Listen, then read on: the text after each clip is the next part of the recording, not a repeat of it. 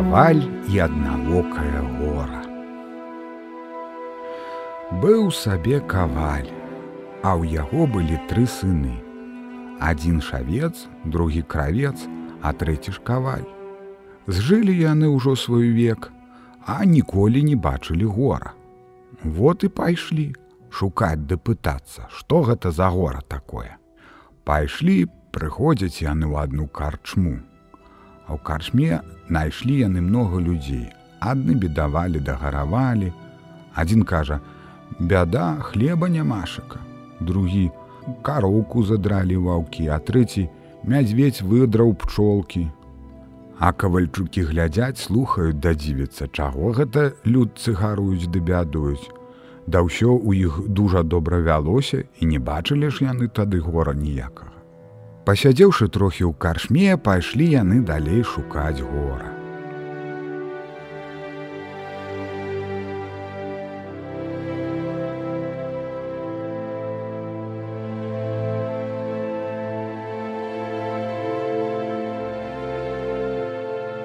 Прыйшлі ў лес, ажны ў лесе на дарозе напалі на іх разбойнікі. Бяда як гэта ад іх адбіцца. Але так неяк адбіліся хоць ім трохі і дасталося. Пайшлі яны далей па дарозе а там звярнулі зусім у лес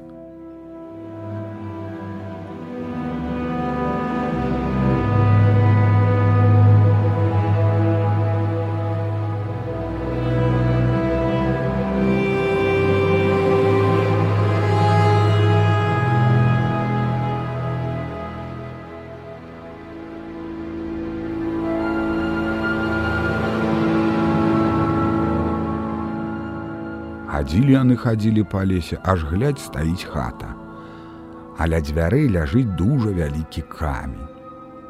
Яны ў хату, ажны там ні духу, паглядзелі ў печ, а там пячэцца цэлая авечка, а пад лаўкаю і пад сталом ходзяць яшчэ тры авечкі. Яны гэта дасталі з печы пячыстую, ну і давай есці. Аж тым часам глядь, прыйшоў у дзверы некі дужа ж вялікі чалавек з адным вокам. Убачыўшы іх, аднавокі будзілы ты кажаем: « Добра ж, пажджэце, добра мне будзеце паабедаць вамі. Сказаў ён гэтак, ды заваліў камнем дзверы, а сам пайшоў чорт яго ведае куды. А вось тое і было гора.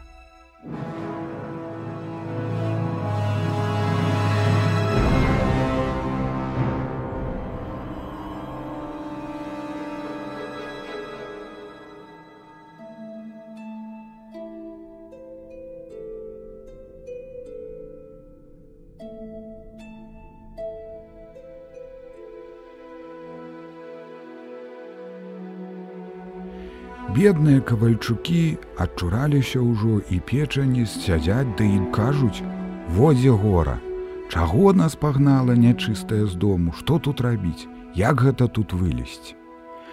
Паспрабавалі яны, каб як ляль адкаціць камень ад дзвяры.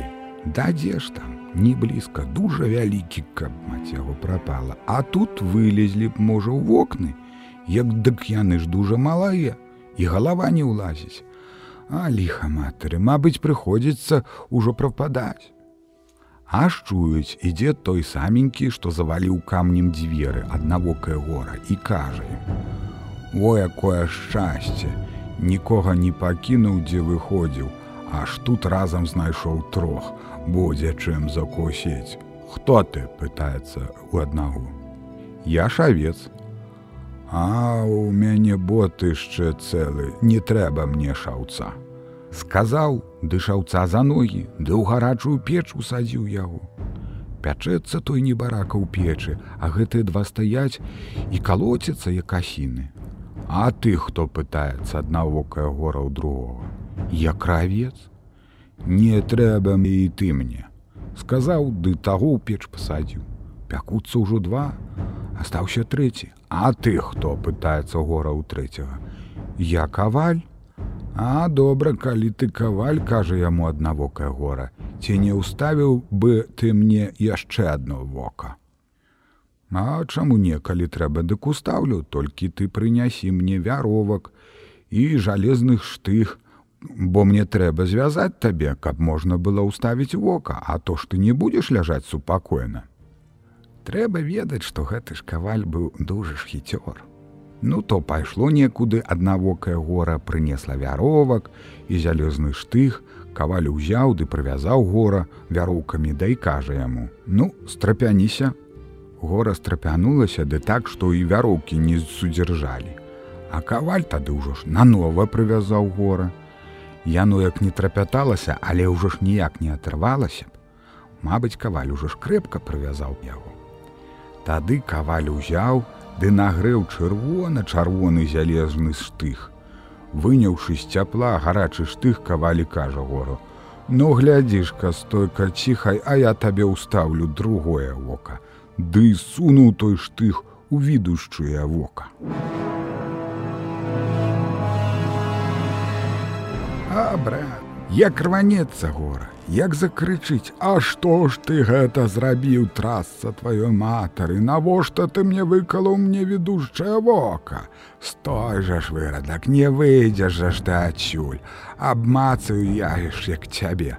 Да і пачало мацаць і лавіць каваля па хаце. А каваль чуць ужо жывы быў, забіўся ў куточак, ды сядзіць моўчкам. Гора мацала мацала па хаце, лавіла лавіла, Ды не злавіла каваля, а толькі абмацала сваіх авечак. Яны былі пад сталом і пад лаўкай, тады гора села на парода і кажа: « Ну нідзе ж ты не дзенешся. Праз дзверы будзеш выходзіць, не дажджэш, каб я цябе не злавіла. Каваль гэта вылез тады ціхенька з куточка, злавіў адну авечку, ды кідзель сляпому гору на ўлонне. Гора памацала, бачыць авечка, узяло да і выкінула яе за дзверы.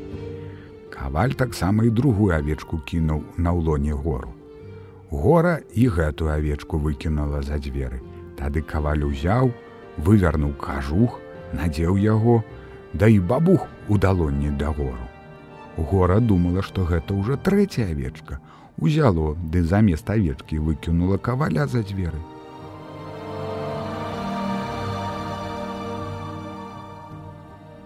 Дзякуй жа табе гора, што ты хоць аслабаніла мяне закрычаў каваль здалёку.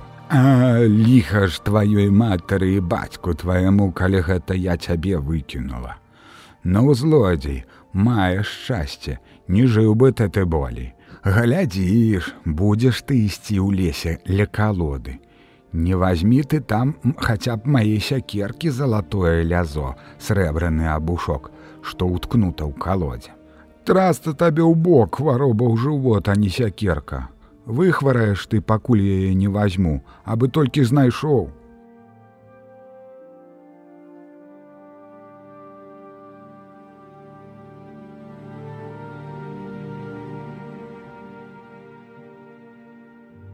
Ідзе аж бачыць. Ляжыць вялізная калода, а ў калодзе ўторкнута сякерка залатое лязо, срэбны абушок каваль гэта хлоп за тапарышча.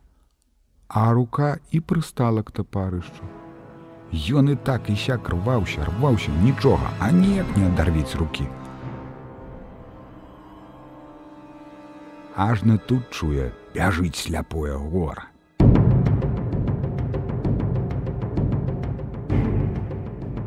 Ён гэта рвацца ізноў а ніяк а тут ужо ж гора блізка Вось жа ж цяпер, не выскрабешся ты ад мяне крычыць гора. Што ж тут рабіць? Абмацаў каваль каля сябе ў кішэні нож, дастаў яго з кары ды чырах. Адрэзаў руку ды з кары наўходала. Некалі ўжо было тут разінькі прадаваць. А яшчэ рад быў, што хаця і так адкупіўся. Пасля ж таго годзе ўжо і гора шукаць, бо ўжо ўбачыў, якое ж яно.